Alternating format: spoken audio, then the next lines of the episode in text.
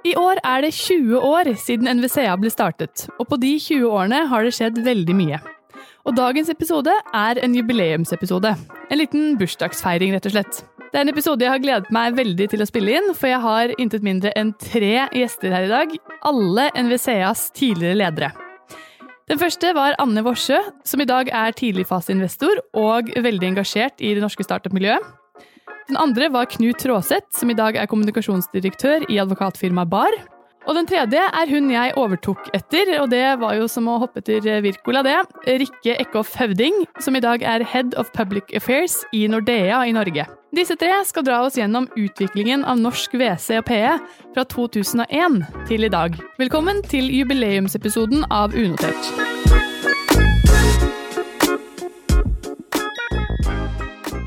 Anne, Knut og Rikke, så hyggelig å ha dere her. Velkommen. Tusen takk. Tusen takk. Det aner meg at eh, dette kan bli en litt lengre episode enn eh, de foregående vi har spilt inn, eh, og det skal vi ta oss tid til når vi tross alt feirer bursdag. Vi begynner litt på starten. Anne, hvordan så WC- og PE-bransjen ut i 2001? Eh, den var i sin spede begynnelse i Norge. Det var et par miljøer, et par profesjonelle eiermiljøer, både på WC- og PE-siden. Det begynte vel egentlig med Birger Nergård som, i det som da het Four Seasons Venture, som tok med seg denne forretningsmodellen fra, fra Boston, hvor han hadde studert. Uh, og den hele modellen kom jo fra Boston, eller fra det miljøet hvor de, hvor de gamle hvalfangerne fikk beholde 20% carry av, av byttet de kom tilbake med. Og så var det et par fond som eh, miljøet var veldig spredt, veldig uorganisert. Det var selvfølgelig en politisk sak som, et par politiske saker som gjorde at de fant det verdifullt å organisere seg. Og det var eh, Northzone og eh, Techno Invest og Alliance som tok initiativ. Sammen med Norsk Vekst og FSN og et par andre. Den gangen så var jo WC-miljøene det, det, var ingen under 40 nesten som jobbet som ventureinvestorer. Alle hadde i hvert fall bakgrunn fra Harvard eller Ivy League-skoler. McKinsey i tillegg ledet et par selskaper, og det var en veldig sånn høy list for å bli eh, investment manager i de miljøene, og, og samme egentlig for PR-miljøene. Du nevnte jo eh, litt om de første aktørene i miljøet, men hvem var det som startet eh, NVCA, da? Som så behovet for en interesseorganisasjon? Det var de, og det var jo, jeg tror primus motor var jo Tellef Torleifsson, som ble min sjef. Han var jo styreleder de første fire årene. Så han fikk med seg de andre miljøene på å lage en organisasjon. Og jeg husker jeg tror jeg var i intervju med jeg hadde på, med syv forskjellige selskaper eller sånn før jeg fikk jobben, og da visste de ikke egentlig helt hva de skulle drive med heller. Så det var, men eh, jeg flytta inn hos eh, som jo da var liksom de rampete guttene i klassen. Ingen hadde tro på dem i det hele tatt, for de drev og satset på internett. Det var det ingen som trodde på. Så det var, det var eh, Og så kom Jan Erik Hareid. Han flyttet tilbake til Norge etter å ha bodd i Silicon Valley i noen år og ledet det som i dag er Innovasjon Norge der og startet jo da Alliance eh, Venture, det første fondet på 80 millioner kroner. Fikk med seg da Bjørn Christensen og Erling Wartmann Moe.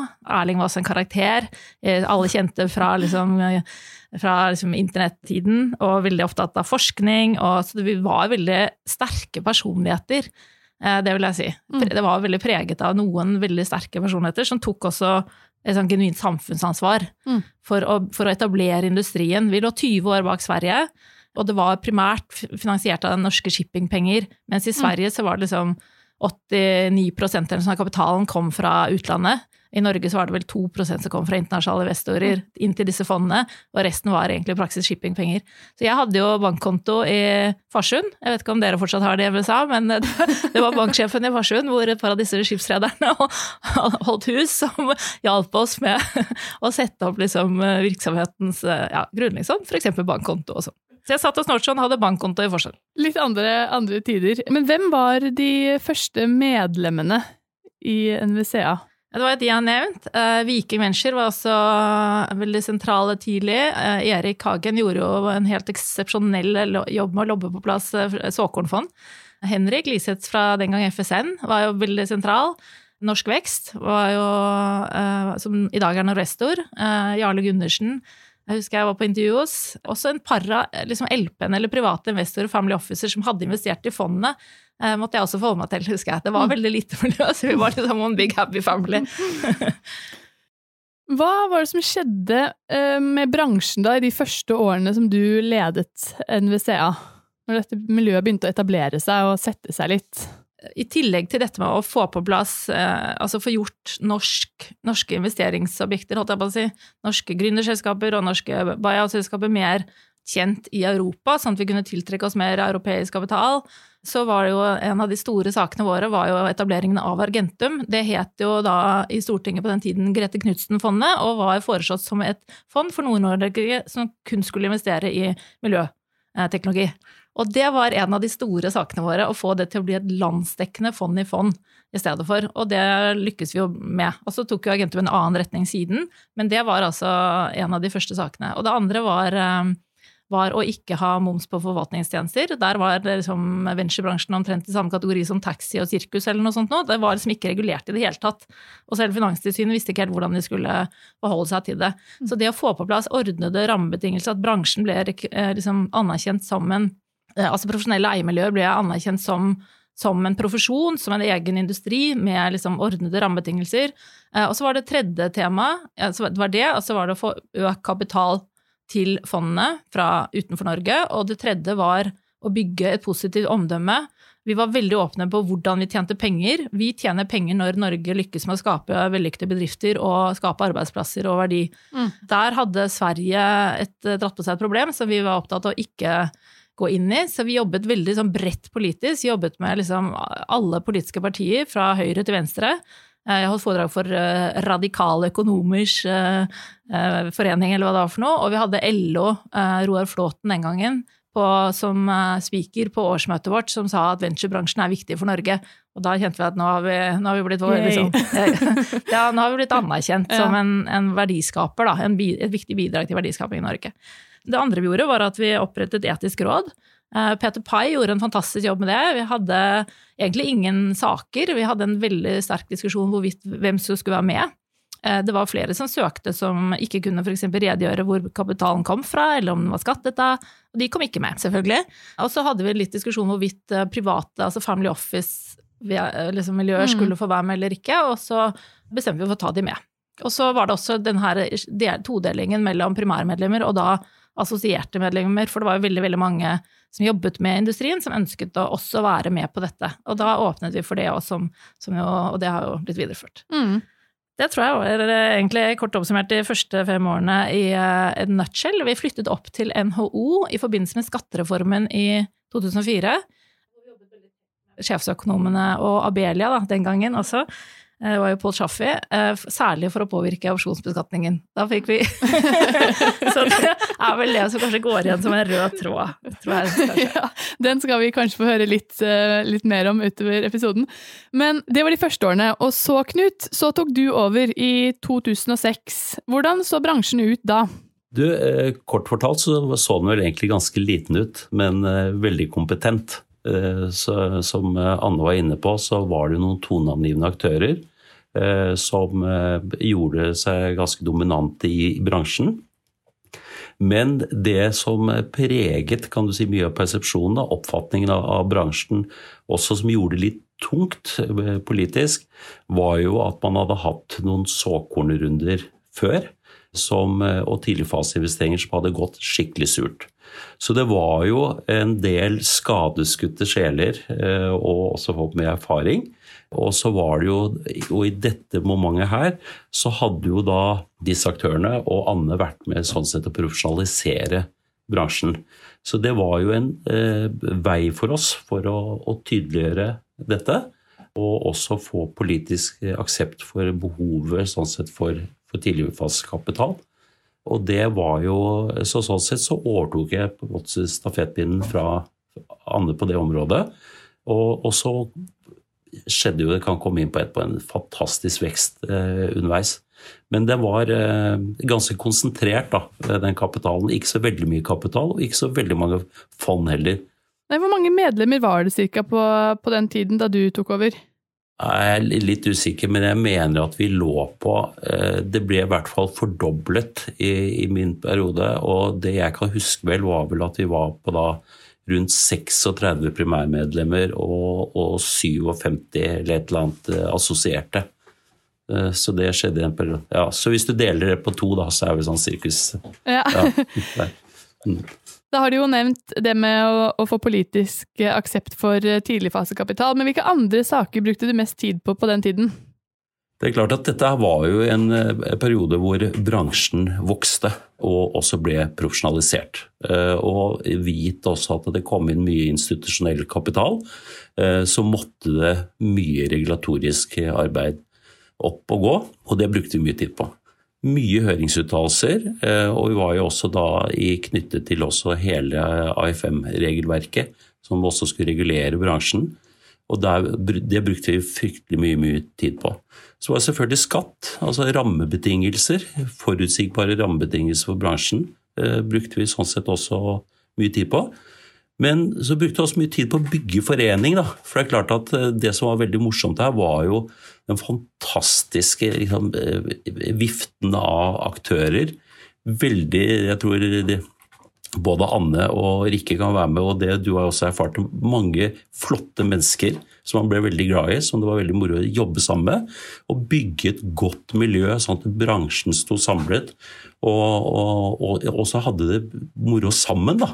Det, var, det, ble en veldig fin driv. Eh, og vi økte jo liksom både Vi kjørte jo Jeg satt og tittet gjennom noen bøker her. Det var ett år vi hadde 25 arrangementer. Og vi hadde sant, julebord hvor folk sto på venteliste. Og det var, liksom, det var veldig god stemning. Det, så denne organisasjonsbyggingen det var en viktig del, både profesjonelt, men også miljømessig. Du satt jo lenge som eh, leder av NVCA, er den av oss som har sittet eh, lengst og fulgt bransjen i en tid, som du selv har sagt, med, med veldig stor utvikling. Kan du dra oss litt gjennom de årene, og hva som skjedde fra du startet til du ga stafettpinnen videre? Ja, ja, det, ja.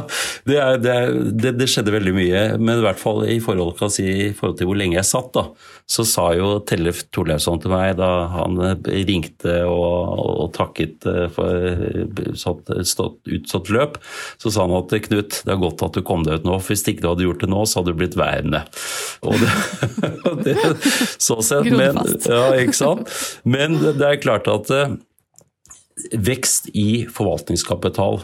Og så så vi jo altså over 60% av kapitalen komme etter hvert fra utlandet.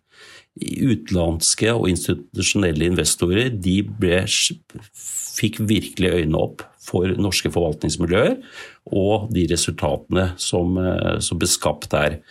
Og vi hadde jo I 2011 så var det jo et sånt paradigmeskifte. Da klarte altså Hightech Vision i løpet av tre måneder å fundraise 8,8 milliarder kroner. Det var helt unikt for den norske bransjen. Og, og det ble det sett på liksom, også fra, fra utlandet.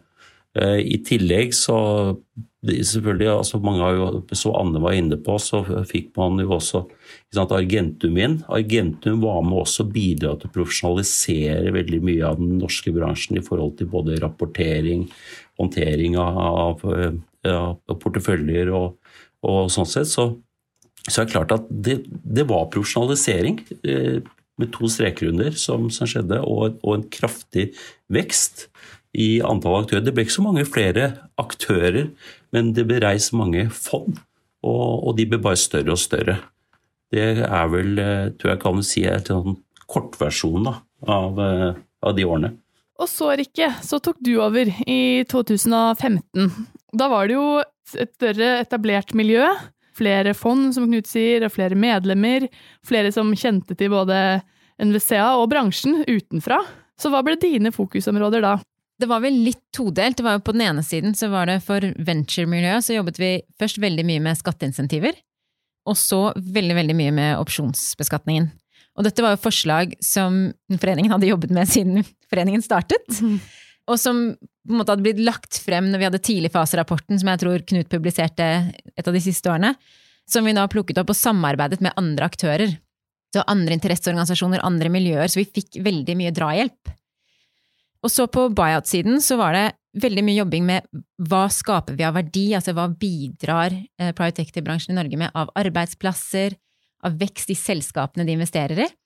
Eh, så verdiskapingsanalysen, den som man hadde gjort i flere år før jeg begynte også, eh, det ble liksom et av de viktigste verktøyene i, mm. i det arbeidet. Mm. Eh, og så jobbet vi også en del de siste årene hvor jeg var der, med kvinner i P. Ja. En sak som fortsatt er En sak som fortsatt er aktuell. Um, så hvordan kan vi gjøre denne bransjen attraktiv? Og det ble jo egentlig et sånn rekrutteringsprosjekt også, hvor man snakket til eh, alle studenter og alle unge mennesker. Altså hva er private equity, hva er venturekapital? For vi trodde, og vi tror vel egentlig fremdeles, at hvis folk bare får vite hva det faktisk handler om, Mm. um, så vil vi få et større tilfang av søkere. Mm. Det har vi akkurat gjort en eh, helt fersk rapport på nå, eller en undersøkelse på, som viser at eh, det fortsatt er ganske lav kjennskap, men med kjennskap så er det også knyttet positive holdninger og et positivt inntrykk av bransjen. Så det er fortsatt også veldig aktuelt, det å dele mer informasjon om bransjen. Der er denne podkasten, blant annet. Men Rikke, det har blitt nevnt noen ganger nå. Du hadde jo noen fanesaker.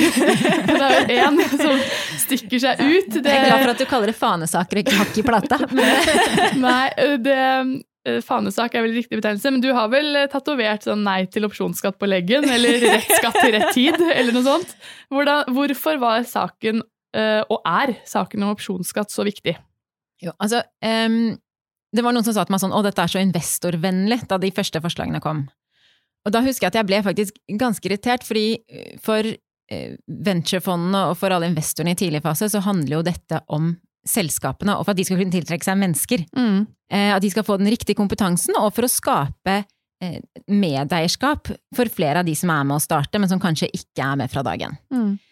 Så for oss så handlet det om eh, å være med på den veldig viktige saken for hele norsk tidligfase og vekstbransje.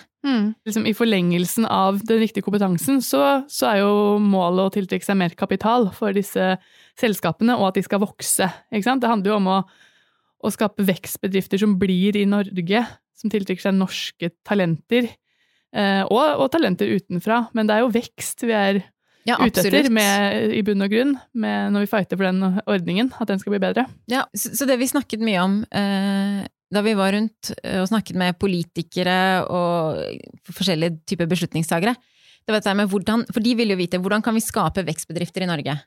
Og vårt svar var veldig tydelig, vi må ha eh, flinke folk, og vi har rett kompetanse. Mm. Og vi er i konkurranse med selskaper, ikke bare i Norge, og en etablert industri i Norge, men også egentlig hele verden. Eh, Så vi må få dem til, til å ønske å komme til Norge.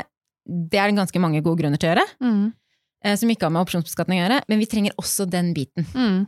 Og der ser vi jo at uh, vi har mistet konkurransekraft til, ganske, til nærliggende markeder, Mm. hvor uh, de i Sverige for eksempel klarer å tiltrekke mange talenter til startup-bedrifter eller oppstartsselskaper, mens vi i Norge ser at veldig mye av kompetansen, talentene, går til etablerte næringslivet, ikke sant? Eh, ja, Anne, du har sikkert noen erfaringer fra det du Jeg òg. vil bare si at eh, For å bygge vekstbedrifter, så må man bygge bedrifter som også har ansatte utenfor Norge. Mm. Eh, Og de må jo da få Det er ganske trøblete, erfarer vi. Å ikke kunne tilby de opsjoner på de termsene som de er vant til i sine land. Mm. Sånn at, ja. Så vekstbedrifter er jo, er jo ikke de vokser jo ikke bare i Norge. Det er, vi er bare fem millioner mennesker, du kan ikke leve bare av det. Du må ha, bygge også team ute. Mm. Og de må jo få konkurransedyktige terms ute. Men det er bare med å si sånn fra et foreningsperspektiv, da, som var innmari gøy med den saken. Det var jo det at den engasjerte jo veldig mange. Mm. Og vi hadde jo Daniel Rasvidal var jo en av de som da jobbet i Abelia, som også var veldig engasjert i denne saken. Og vi begynte å snakke om dette her etter at vi hadde, samme dag faktisk, som vi hadde lansert den um, rapporten om skatteinsentiver. Og da var det en som spurte om hva er neste viktigste sak, og vi bare vi har, det er jo veldig mange som er veldig opptatt av opsjonsskatt, vi har jo snakket om det lenge. Og da var det noen politikere som var der da på den lanseringen som sa vet du hva, det er litt sånn det, det er ikke så godt å høre om opsjonsskatt, for man tenkte jo da på disse flotte opsjonspakkene som man hadde lest om i avisen til toppledere i børsnoterte selskaper. Men sett fra et gründerperspektiv, så kanskje vi skal høre på den saken en gang til. Mm. Og så satte vi da ned en arbeidsgruppe, og det var utrolig mange som rakk opp hånden med en gang, som ville være med og bidra. Eh, Så mange av de jobber jo fremdeles med saken sammen med deg, eh, så de har vært kjempeseige og holdt på veldig lenge.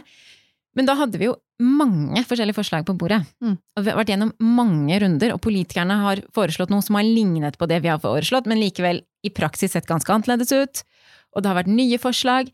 Så bare den, hele den prosessen da, med å prøve og feile, og også innad i arbeidsgruppen har det vært diskusjoner om hva som er lurt å foreslå, hva som er det beste, hva kan vi få til. Så den prosessen at man, man har bare stått i det, Mm. Altså, jeg må være ærlig, jeg var jo litt lei på slutten, det er jo lov å si det. Jeg snakket jo aldri om noe annet. Så det nå å se at dere har dratt den i land, det er skikkelig moro.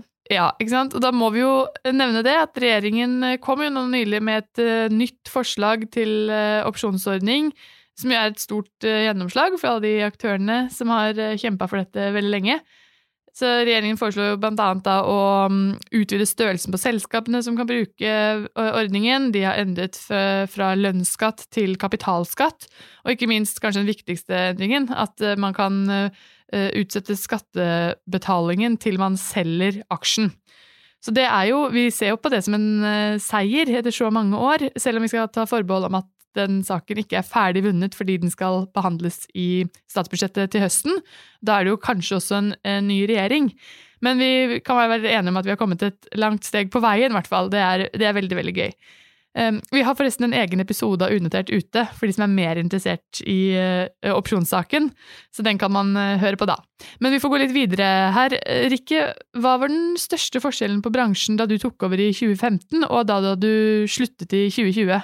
Jeg tror egentlig fokuset på altså hele det som har skjedd i tidligfasesegmentet, med venturekapital, venturefond, tidligfasefond Altså, det, det begynte omtrent samtidig med da jeg begynte i den stillingen. Da flyttet jeg, da satt vi jo på Mesh. Mm. Det hadde begynt å skje veldig mye, men det eksploderte jo over de neste da fire-fem årene hvor jeg satt i MSCA. Eh, så bare det å se alt som skjedde, og det kom kommet veldig mange nye venturemiljøer til, som er veldig spennende, og man har klart å reise nye venturefond. Mm. Eh, som jo ikke er lett, både på grunn av alt det regulatoriske som skal på plass, og i Norge tok det jo lang tid før vi fikk på plass EU-veka. Det fikk jeg jo spørsmål om med jevne mellomrom. Og svaret var jo ja, den er vedtatt i EU, eh, den er til behandling. Mm. Og, og, den ble vel innført nå for noen måneder siden? Ja, eller regjeringen kom med forslag om å innføre EU-veka og LTIF for noen uker siden. Men likevel altså, så klarte man å få dratt i gang nye norske venturefond, nye aktører, sånn at vi hadde veldig vind i ryggen. Og da var det veldig også rom for å da få på plass flere gode tiltak da, og mm. politiske mm. rammebetingelser. Så det var det, og så tror jeg også Private Equity ble jo sakte, men sikkert mer og mer kjent, og det jeg opplevde var mye interesse fra andre bransjer. Ja. Og andre, altså både innen finans, altså Finans Norge var interessert i hva mener dere om denne saken? Eh, NHO-systemet var opptatt av hvordan fondet tenkte, hvordan vi kan legge til rette mm. for altså, flere typer eierskap i Norge, da.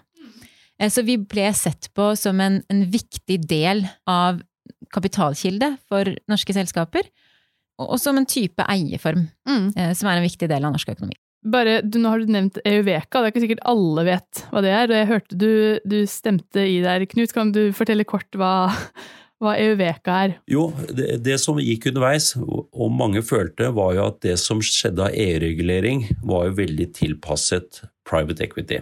Og mye av den var jo basert på det som skjedde i etterkant av finanskrisen, hvor de mente at eh, en del PE-aktører nesten sto ansvarlig for eh, mye av det som hadde skjedd. Så viste det seg etter hvert at venture-segmentet, midtsegmentet sånn sett, altså såkorn, venture og, og du kan si buyout, da, det var et, et trengte et, et regelverk eh, som skapte mer eh, sånn sett forutsigbarhet for, for aktørene men som også kunne sånn sett også skape da mer attraktivitet som aktivaklasse i forhold til da investorer.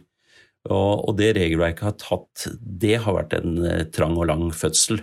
Eh, men, men, men, nå er det der. Og når du først er inne på dette med trang og lange fødsel, og Rikke snakket jo om opsjonsbeskatning ja, Dette her viser jo en ting, viktigheten av å ha en interessebransjeorganisasjon.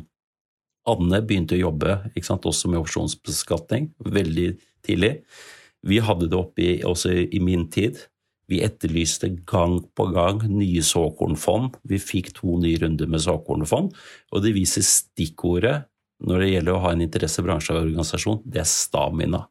Du må være utholden, og så må du gjenta og gjenta og gjenta, for til syvende og sist så sitter budskapet. Men jeg har lyst til å spørre dere alle sammen, nå har vi jo liksom fått historien fra 2001 eh, til nå, tegnet et bilde av bransjen. Møtte dere på noen store utfordringer eller vanskelige saker, eh, noe dere husker ekstra godt, liksom at dere brukte mye tid på, kanskje bortsett fra opsjonsskatten som vi har snakket en del om allerede nå? Tror ikke det er noe hemmelighet at det var ganske tøffe tak eh, da Argentum ble etablert, og, eh, og forsøkte å profesjonalisere bransjen, som de egentlig hadde eh, som mandat, men de gjorde det nok på en litt sånn måte som ble opplevd som ganske liksom, sånn makt liksom overgrep, nesten, i forhold til de miljøene de snakket med. Så da var det da var det noen ganske heftige diskusjoner og møter og mye temperatur mellom liksom eh, ja, mellom venner, holdt jeg på å si. Men det, ga, det jenket seg til etter hvert. Det andre var vel at de også eh, da i en periode var litt sånn gatekeeper for andre LP-er inn i fondene. Og da fikk de liksom en dobbel maktposisjon.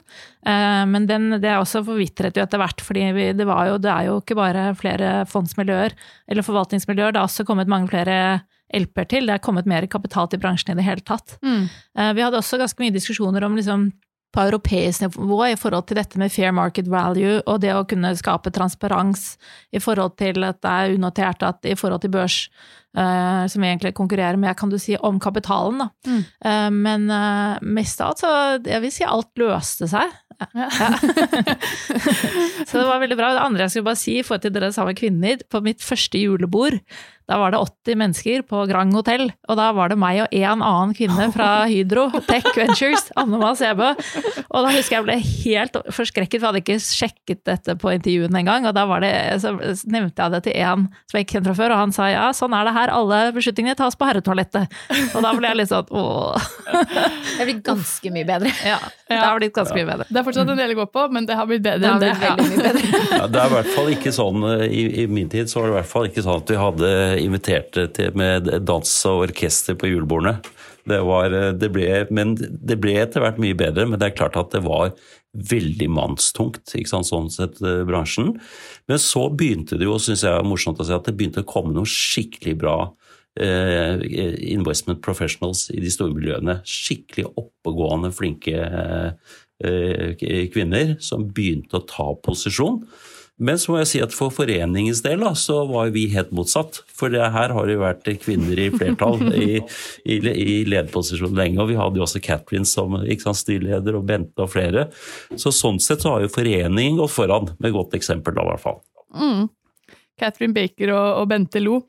Så bra. Vi må nesten gå litt videre. Um, hva er dere mest fornøyd med at dere fikk til, eller sånn stolt av på foreningens eh, vegne? Hvis vi begynner med deg, Anne. Jeg tror høydepunktet for meg var eh, da Roar Flåten fra LO og næringsministeren fra Arbeiderpartiet sto på talerstolen og sa at venturebransjen er viktig for Norge. Da følte jeg at det omdømmet som vi hadde, som vi ønsket å bygge, var bygget. da, Eller hadde, hadde fått på plass. Ikke bare venturebransjen, men også private equity og buyout. Mm. Det andre var jo Det kan ikke jeg ta æren for, men vi lobbet jo for det også. Det var faktisk eh, en ting som kom da under skattereformen 2004, var at de fjernet skatt på kapitalgevinst eh, i selskaper når den ble reinvestert på nytt. Før det var det faktisk sånn at hvis du solgte og fikk en kapitalgevinst, så måtte du skatta av den selv om du ikke tok den ut, selv om du skulle bare reinvestere beløpet. Og jeg husker fortsatt at det var vel Kistefoss som hadde en exit dagen etter eh, at denne ble innført, for den ble innført da liksom samme dag, hvor de plutselig fikk liksom en, eh, noen og 20 eh, økt gevinst. Og uten helt skjønte ikke hva som foregikk, så de ble spurt av en journalist. De hadde, ja, men det, var, det, har vært veldig, veldig viktig, for det skapte en kapitalmobilitet som som har gitt veldig mye mer eh, kapital til eh, gründerselskaper, altså til hele industrien. Mm. Og jeg satt på den der pressekonferansen til den skattereformen og husker jeg lo høyt. Jeg tror alle trodde jeg var maniac, men jeg, det var helt sånn der, det var vel det høydepunktet, tror jeg, de to. Ja, mm. det skjønner jeg. Knut, hva vil du trekke frem? Jo, jeg, jeg flere ting, men jeg syns det regulatoriske arbeidet vi gjorde der, og den innsatsen og knyttet til å, å, få satt eh, merket vårt på flere viktige ting som var knyttet til rammebetingelser, det syns jeg var viktig. Så selvfølgelig også happy med, med disse såkornrundene, for de var helt nødvendige. For det var tomt. Tidligfase hadde ikke, hadde ikke penger, så vi klarte sånn sett, i hvert fall på såkornsegmentet, å få på plass disse fondene etter veldig mye lobbyarbeid. Og så var selvfølgelig dette med rapportering og statistikk. Mm. Skulle, skal man ha tillit, så må man ha skikkelig godt, eh, godt, statistikkmateriale. Det erfarte vi også i masse samtaler med Næringsdepartementet og også med Finansdepartementet.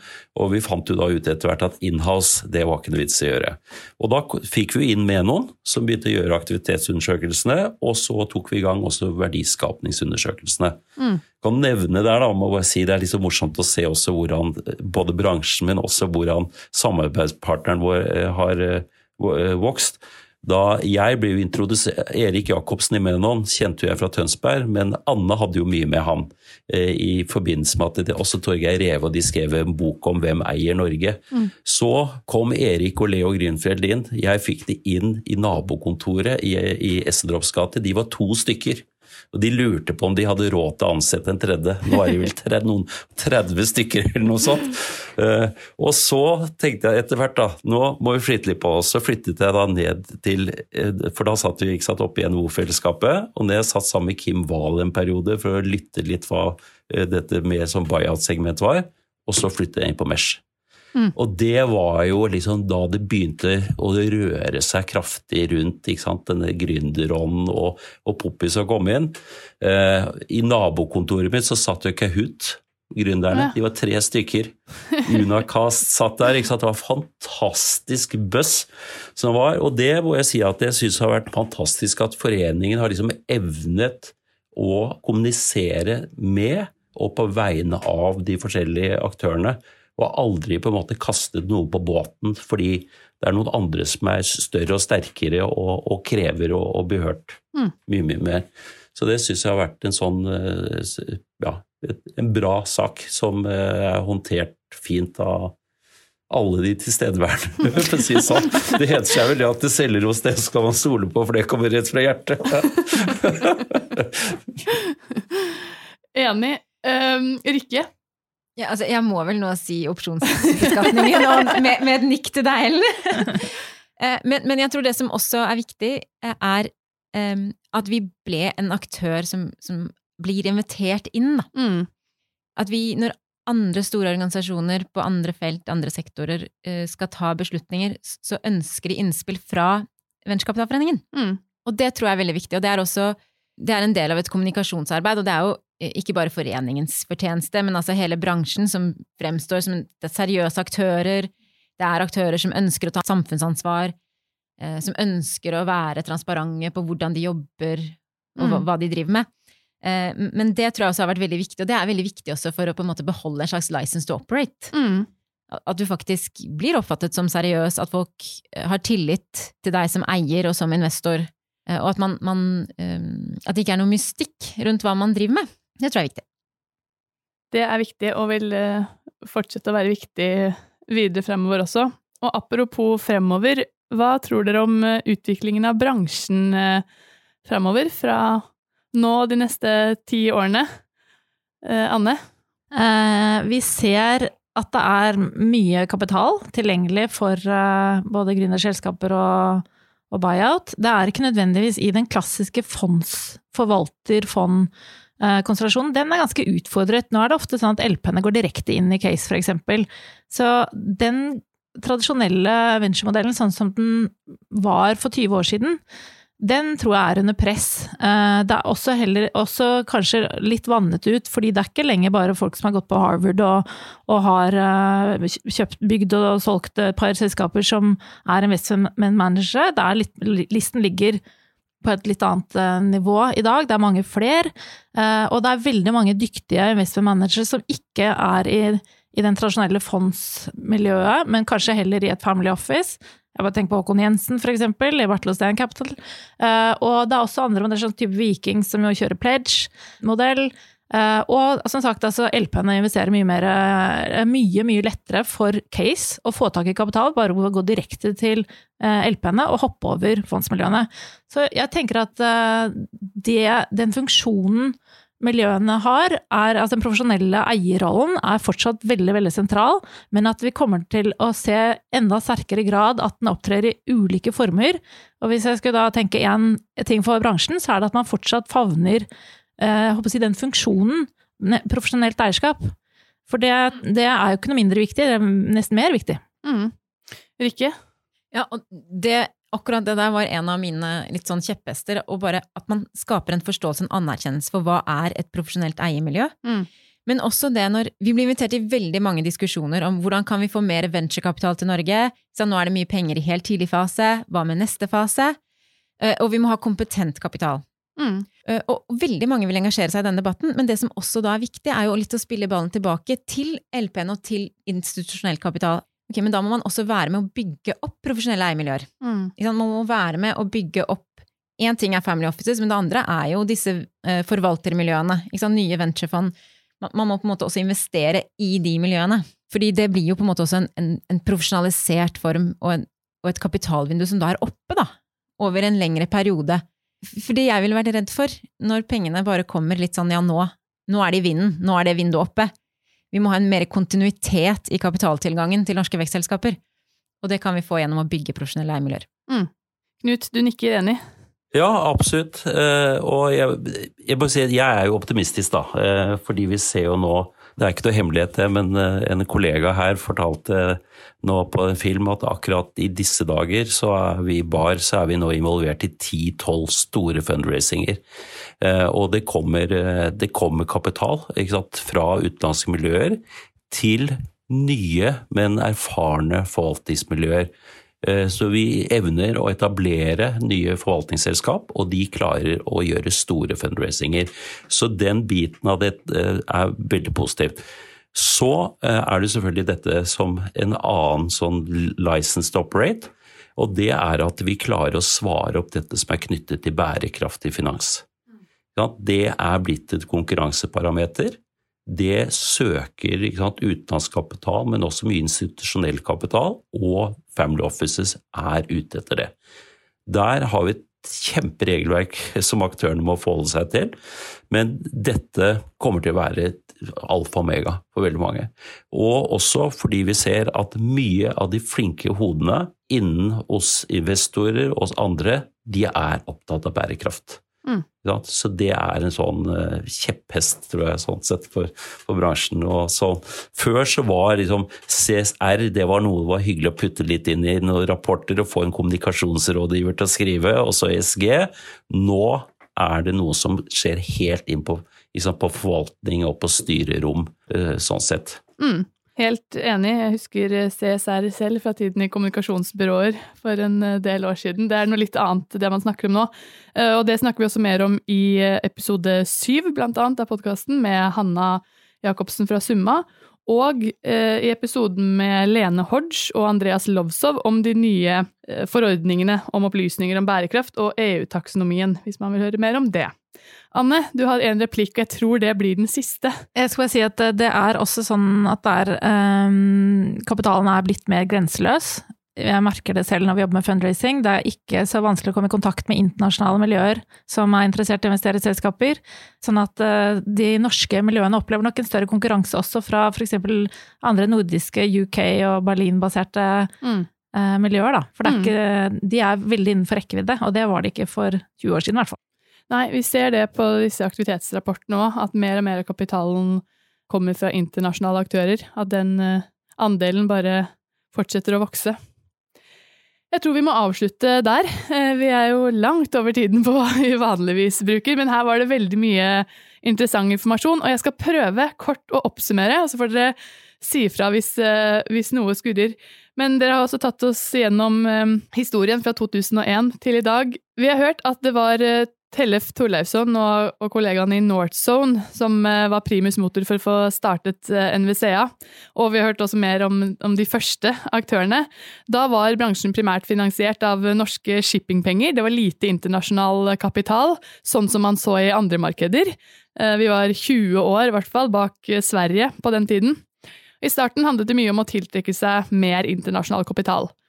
Det har nevnt at Noen av de første sakene som eh, foreningen jobbet med, det var eh, opprettelsen av Argentum og å skaffe bedre rammebetingelser. Eh, Og at etter hvert så ble bransjen mer anerkjent som en profesjon. Så handlet det om å bygge et positivt omdømme rundt den profesjonen. Det ble også opprettet et etisk råd. Så tok Knut over stafettpinnen med å skaffe mer politisk aksept for tidligfasekapital. Bransjen ble mer og mer profesjonalisert, og det igjen krevde mer tid til å regulere bransjen og skape enda mer gode rammebetingelser som var viktig um, også for å bygge et, et, fellesskap og et godt miljø innad i bransjen. Altså, I tiden videre så, så vi at uh, internasjonal kapital uh, kom i større grad. Uh, etter hvert så vi at 60% av kapitalen kom fra utenlandske aktører. Knut nevnte 2011 som et sånn, sånn paradigmeskifte, da Hightech Vision klarte å gjøre en veldig stor fundraising som tiltrakk seg mye oppmerksomhet fra utenlandske aktører. Profesjonalisering var fortsatt stikkordet. Um, og de siste årene så har skatt og opsjonsordningen vært blant de viktigste sakene.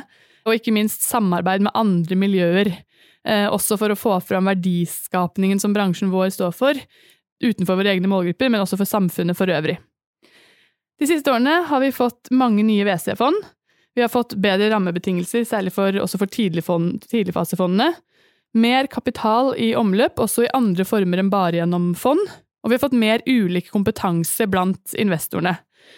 Vi ser heldigvis flere kvinner, og bærekraftig finans har blitt et eh, konkurranseparameter. Målet ser ut som det fortsatt er det samme i 2001 som det er nå i 2021. Det er fortsatt å mobilisere mer privat kapital, eller mer kapital inn i markedet. Det er noen faser hvor det fortsatt trengs.